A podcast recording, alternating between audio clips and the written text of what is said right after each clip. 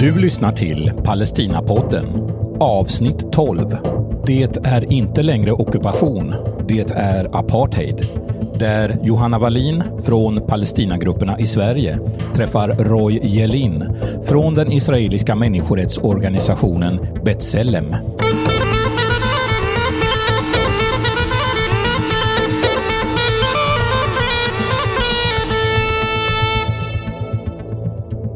Det här avsnittet av Palestinapodden spelas in på Bokmässan i Göteborg.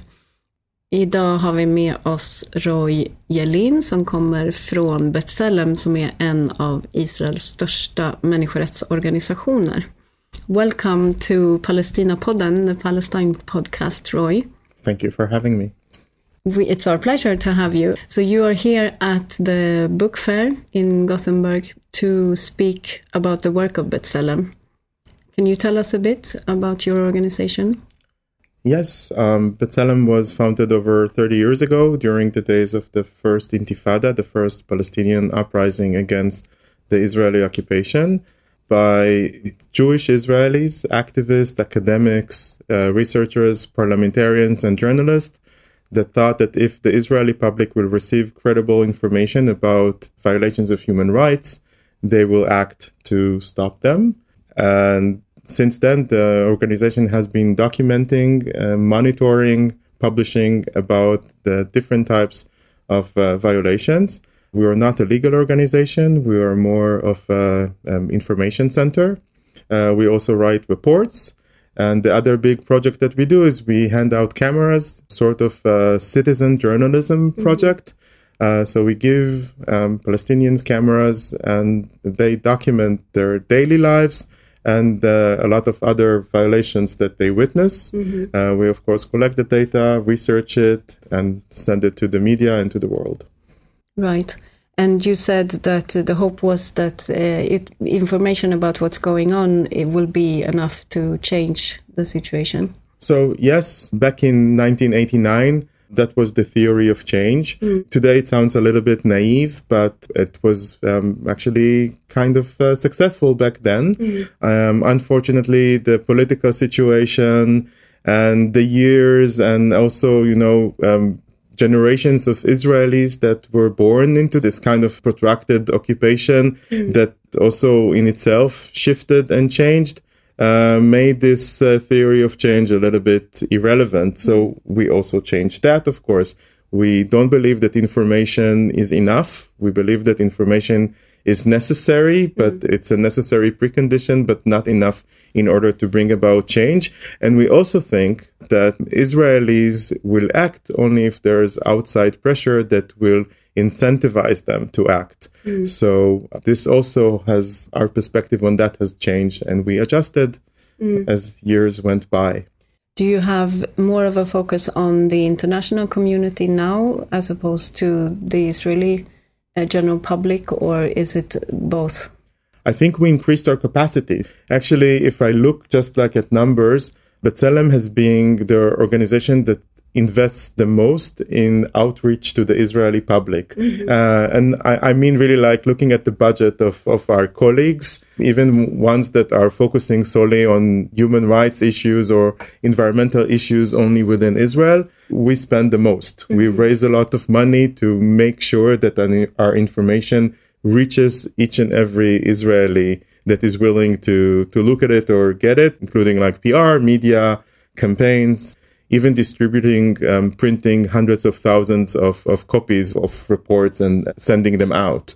But we also developed more of uh, know-how and attention to work with the international media and the international community. Um, uh, you know, you either do that or do that. You can do both and it actually feeds into each other because today with social media and the fact that everybody has access to to everything that happens around you kind of live in a glass house. You can't mm. pretend like there's a difference between what you're doing locally to what you're doing globally. You're doing everything and everything is public. So we're trying to actually use this situation and use the local to amplify our global outreach and to use our global outreach in order to extend our influence at home. I think, or at least it's my my impression that the Israeli peace movement, anti occupation movement, uh, what you want to call it, is not very well known in Sweden. So it would be really interesting if you could give us uh, a sort of a, uh, an update on, on the situation today inside Israel when it comes to people and organizations who are involved in peace in one way or another. Um, I, I, will divide it into two categories. I think that there's um, a sort of like old guard of organization and perhaps even like political players that promoted things uh, back in the 80s and 90s when the Israeli peace movement was rather strong and even um, reached electoral successes and, and briefly held the government. And there is more of a grassroots movements mm. that are now uh, growing and changing the landscape, but also their political view of, of what happens and their political understanding. Uh, but those movements are still not holding positions of power. Mm. Um, so I think like the old guard is sort of waning in in a way. Uh, and, and, this is no news to anyone who looks at the Israeli elections. We know that the Israeli Labour Party merits um, are are really like um, barely existing. We don't expect that to change in the coming elections. We're going to have um, another elections in the beginning of November. It's not likely that we this phoenix is going to rise out of the ashes. Mm-hmm. Um, there is a lot of grassroots activities with new organizations that were formed, like Omdim Beyachad, like Combatants for Peace and also NGOs that are more focused on direct action in Palestine, like Ta'ayush. Yes. They're not really an organization; they're just like uh, activists that mm-hmm. are really using their privileges as Jews in order to protect Palestinian farmers or people in communities that face expulsion. Mm-hmm. And this is like something which is very, very different and shifting the landscape of, of political action because today with social networks, it also creates a lot of exposure to daily lives um, in a way that political movements in the past really didn't look. I think for us, at least, as a human rights organization, it's a, a huge shift and a huge help because the entire premise of the political process in the past was that yes, there are a lot of uh, violations of human rights, but they will be resolved in the future. Mm-hmm. And the focus on what happens on daily basis on the ground is really shifting people's perspective to the understanding that we need to address the violations that happen now mm. and not again like bank on a future that never arrives mm. exactly and the work that you do and the work that also other human rights organizations do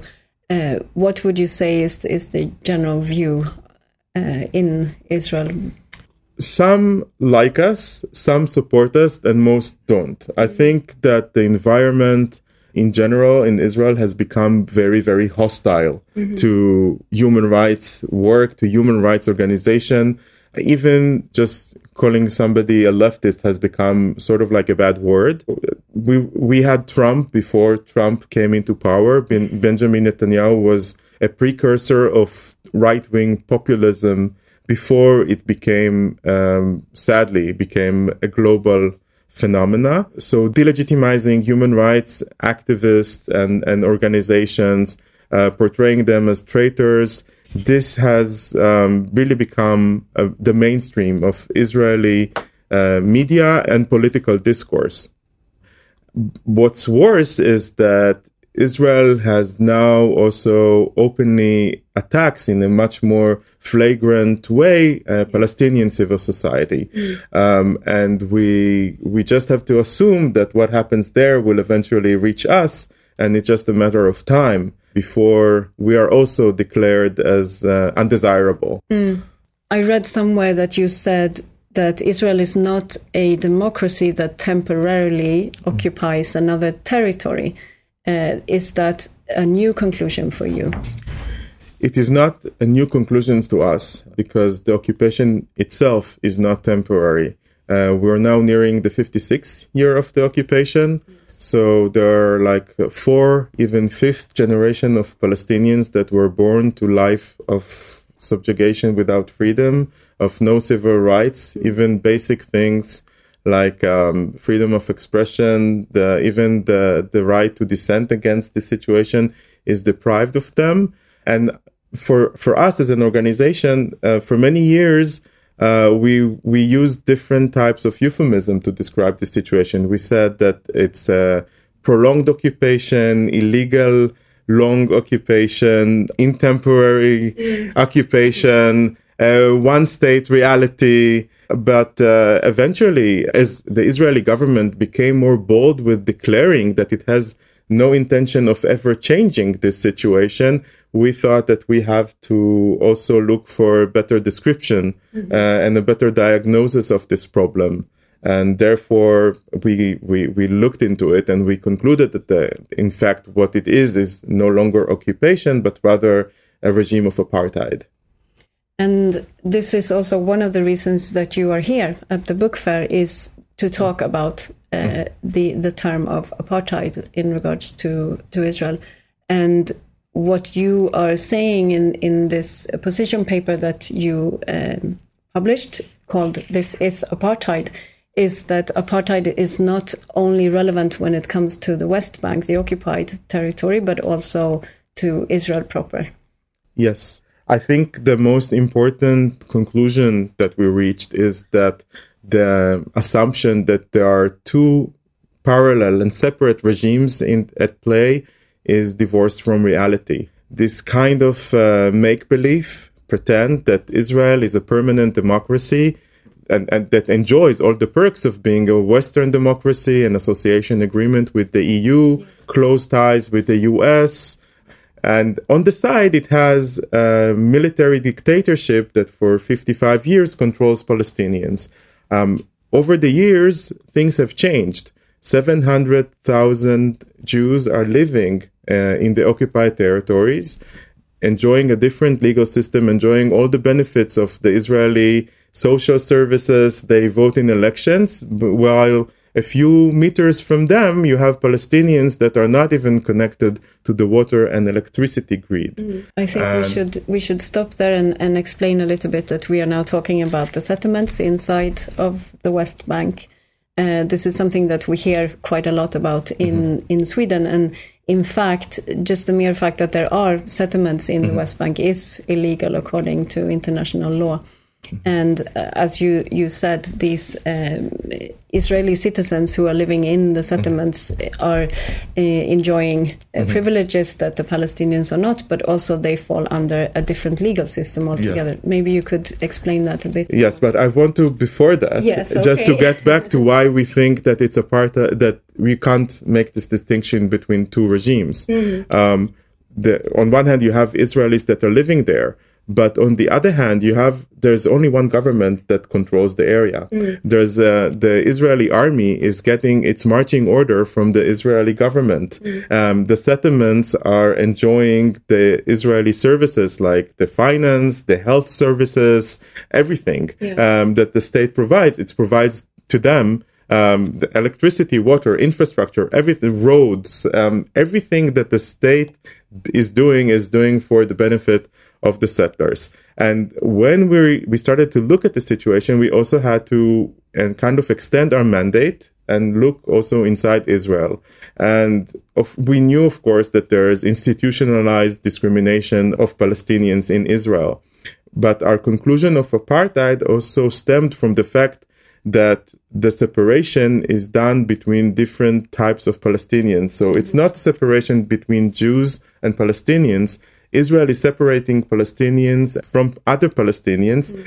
demographically and politically, engineering the space it controls to allow for Jews to have the upper hand and to maintain the, their control over Palestinians. Mm. And therefore, we reach the conclusion that it's apartheid because it's one regime and it discriminates Palestinians no matter where they live, even within Israel proper.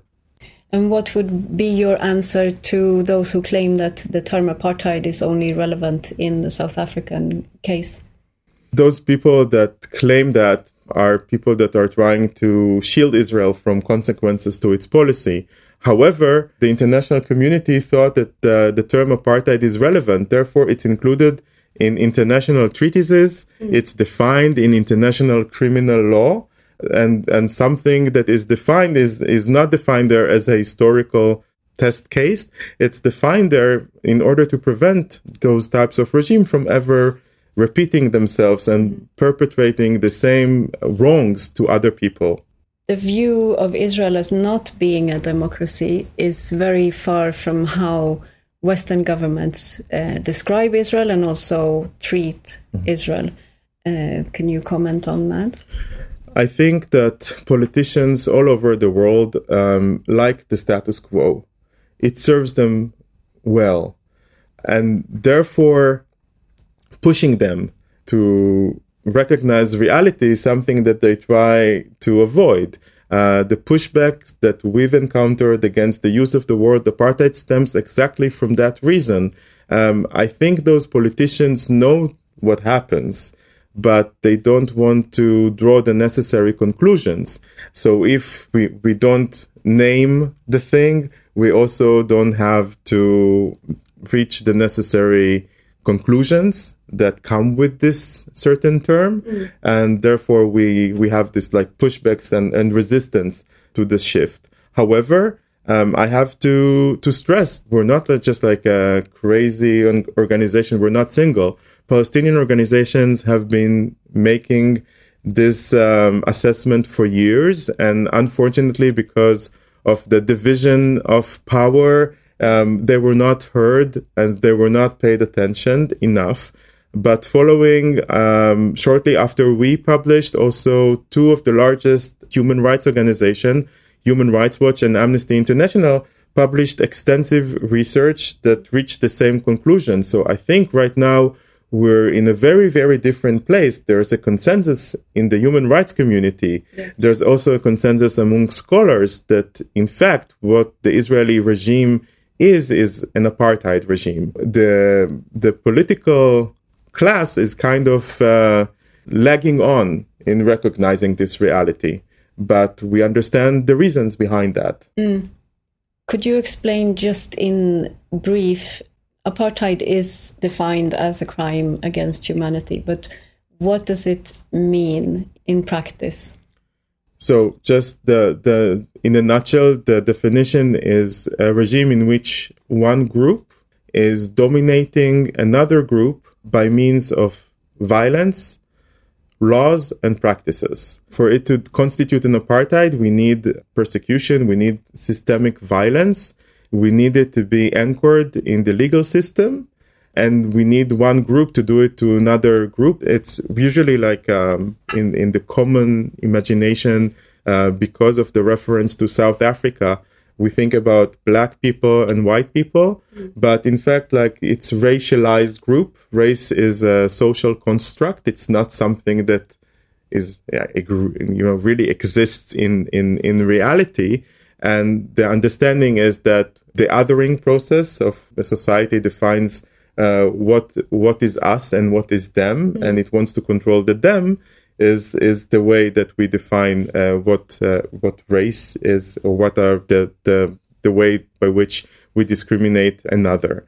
In on the daily basis, apartheid comes into play um, on the day on really like the very very basic level of who gets to vote, who gets civil rights, who is able to move freely from a place to place, um, travel abroad, who can build a house and where, who can express their uh, satisfaction or dissatisfaction with this situation. Mm-hmm. So really like every aspect of life is really we need the state in order to realize our, our human rights. Mm-hmm. And when the state is against you, you you're living life uh, exposed without any sort of protection and a lot of time exposed to violence. Mm-hmm. And the violence of the state, of course, is like the most severe form of violence because the state has more power than non state actors. What has been the reactions to your position paper, both inside Israel and abroad? In within Israel, we were very scared before we published mm. because mm. we didn't know how it's going to be accepted. But even to our slight surprise, a month um, after we published, we conducted the public opinion survey, uh, to see what Palestinians and Israelis think about apartheid, the definition, and whether it fits uh, what they experience in as the the type of regime that they live under. Um, so I, I, think it's like not surprise to anyone that 75% of the Palestinians thought that the situ- the the definition of apartheid fits the the regime as they know it. But it will surprise a lot of people to hear that 25% of Jewish Israelis thought that uh, this description of the regime fits uh, what they know and see. Uh, so it was much higher than we thought. We thought that it would take us uh, several years to get that far. Um, and in terms of globally, it was covered widely on the international media. But we thought that this coverage, okay, people covered our report, that's enough, that it will take a lot of time. But then uh, Israel sort of said to, uh, to all of us, hold my beer, and attacked Gaza and, and did a lot of other things within Israel proper um, with police violence and army violence to a degree that was really like staggering. Mm. And suddenly the international community, even in, in, you know, places where it was a tough sell, like the United States, had the narrative to understand what they're watching on television. Mm. Uh, and a lot of people said, yes, you know, it is apartheid. This is how apartheid looks like. And I, I think like more than anything than we could say or try to explain, uh, reality is revealing more than anything. Mm. For us, it's been quite interesting because we have obviously worked to to spread the word about your position paper, also Amnesty's report and Human Rights Watch to the political mm-hmm. establishment in Sweden. And mainly what we've been met with is silence. In the cases that we have had reactions, it's been along the lines of, well, we don't agree with their conclusions, or that's not a term that we use. And that has been the end of it. And that was quite uh, surprising to us that it that was the the main reaction because it's not as if they are kind of uh, providing us with any counter mm-hmm. evidence uh, mm-hmm. to support their case. But why do you do you think that in this particular term is so sensitive to the political establishment? It's it's a touchy subject, and I think Israel apologists have been super successful in trying to make it politically undesirable to face uh, reality.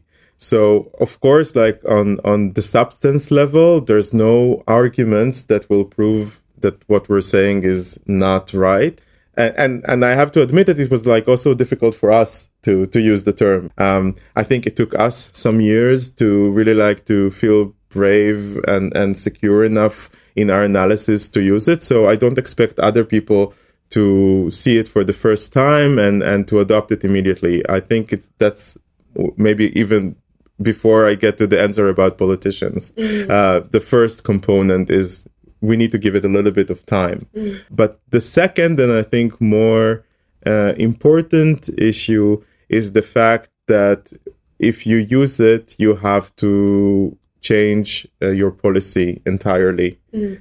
And that's not something that politicians are likely to do. They're definitely not likely to do it on the spot, and they're definitely not likely to do it without demand from their constituency. And I think this is on us, on on not just us as B'Tselem, but I'm talking about the bigger global us as human rights community, as people of the citizens of the world that mm-hmm. care about justice, um, to make it like a demand that is profitable politically to answer. And when this happens, I think they will tread along. Mm-hmm. I, I think that they're looking behind and they don't see enough numbers to do it. But once they understand that the public is with them, uh, they'll get their marching orders from us. Mm.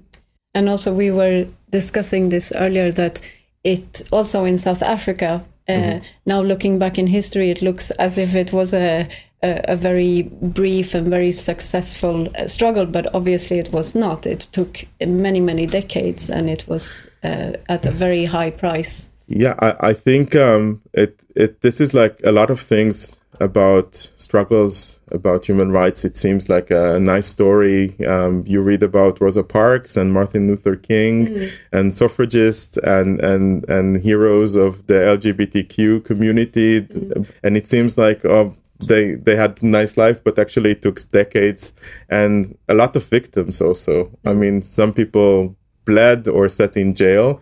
We have to remember, especially in, in the context of South Africa, that it took many, many, many, many decades um, that the US reversed its position on concrete sanctions against South Africa only at the end of the 80s. It was 1989 when the United States joined the wagon of the global call to end apartheid. Mm. So we really have, and, and, and the apartheid regime, just for somebody who doesn't know that, it was uh, cemented in the mid 40s, 1945. So it took a rather long time, almost 50 years, to end this injustice. Was it uh, painful also for you personally to realize that uh, the situation in Israel has has gone so far as to become a, a reality of apartheid? Yeah it was it's unpleasant. I think like the best analogy i can think about it is like um I, I mean what we do we first collect the facts and then we have to look at the facts and then we have to make an analysis mm. like a diagnosis of the fact. So uh, we felt like we're a doctor that needs to tell somebody he has cancer. Mm. it's like terminal illness. It's really like apartheid is one of the worst crimes that the state can commit. It's a crime against humanity um, and and it's not like nice to tell people that they have cancer, but a good correct diagnosis can also help them get better. Mm. And as difficult that it was, and also like thinking about maybe the the consequences for us as an organization, uh, I think it's necessary because people built this terrible regime and we can change it and it can become better um, but if we don't name it, we can't do anything about it. So naming and shaming is part of the game of um, an organization such as mine, and we did what we had to do.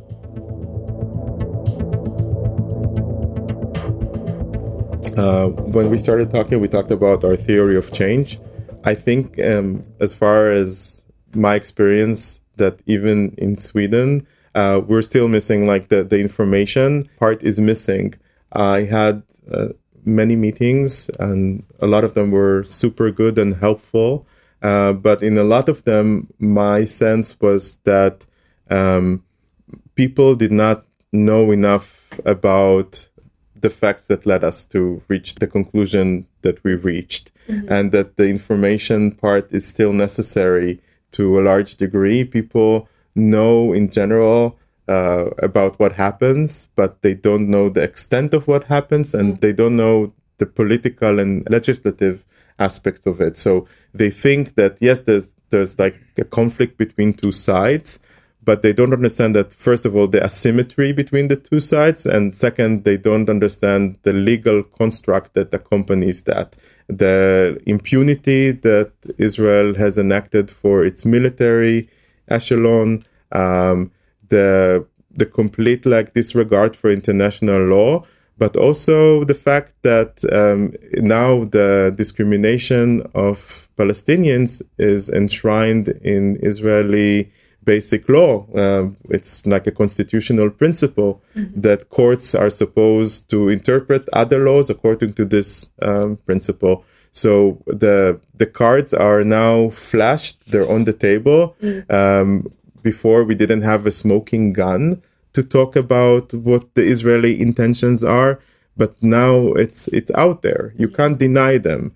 And if Israel wants to defend itself from what they term the allegation of apartheid, you know, it can transform the regime. It can stop discrimination. It can realize the human rights and political and civil rights of, of Palestinians. And then nobody will make any claim.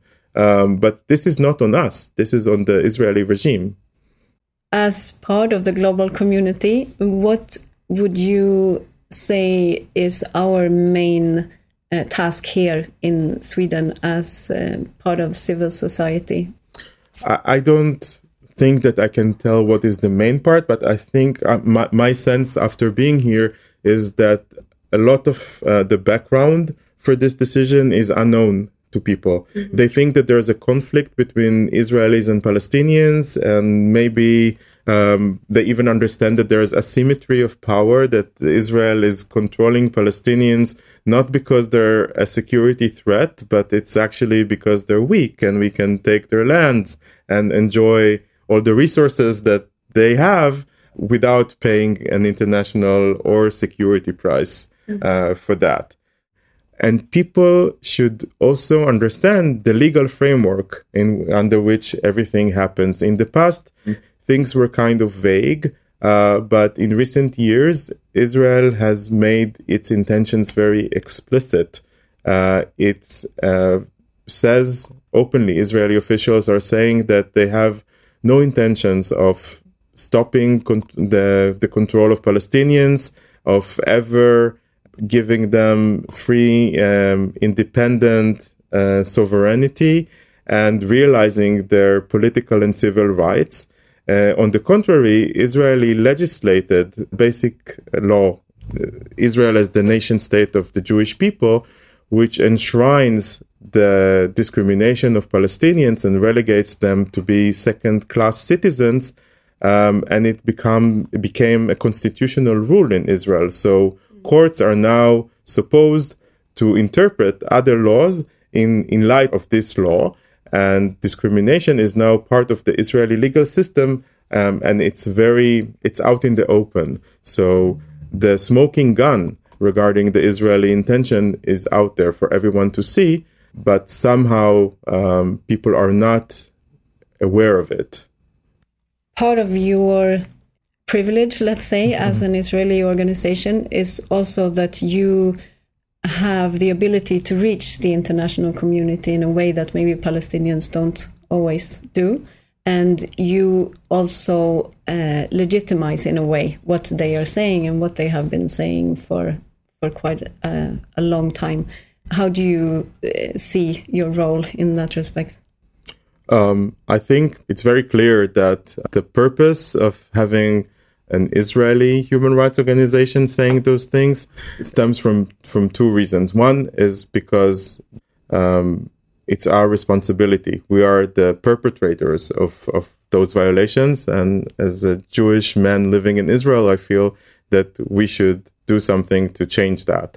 Uh, but the second is that ju- just by the sheer fact of our identity as Jewish, uh, we get a different and, and, sometimes unfair ear when it comes to uh, to those issues because it's very very difficult to manipulatively weaponize anti-Semitism uh, against us, um, and it's very easy to do it when it comes to other people.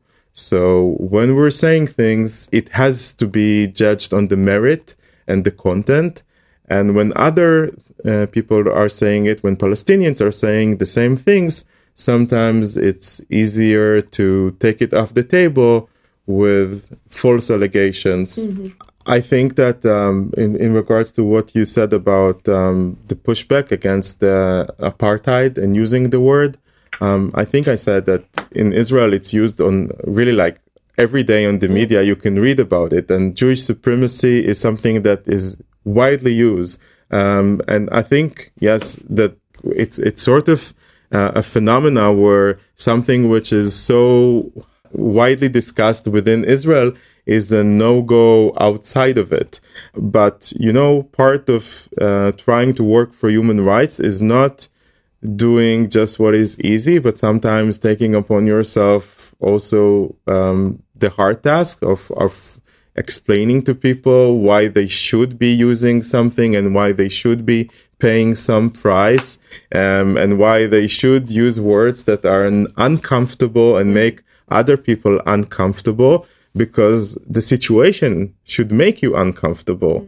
Mm. Like if we want to change it, we should make people move in their chairs and not accept it. Mm. So if, if people use it um, and are willing also to educate themselves so they have strong arguments and can support themselves and and can explain to others what they're saying is actually based on research and facts and truth um, they will be doing something which will really improve the world so it's really like you, you can't do that in, on a lot of things but on sometimes even like on social media you can do something which will help others and if you have this opportunity i really like i hope people take it mm. That's very encouraging for, for us as well in our work, and we really heavily rely on you and other organizations and the, the amazing work that you do. Um, thank, you. thank you for for uh, talking to us today, Roy Yellin from B'Tselem. Thank you. Du har lyssnat till Palestinapodden med Johanna Wallin och Roy Jelin. Palestinapodden produceras av Palestinagrupperna i Sverige. För tekniken svarade Per Skytt. Musik Akram Abdel Fattah och Per Skytt. På återhörande.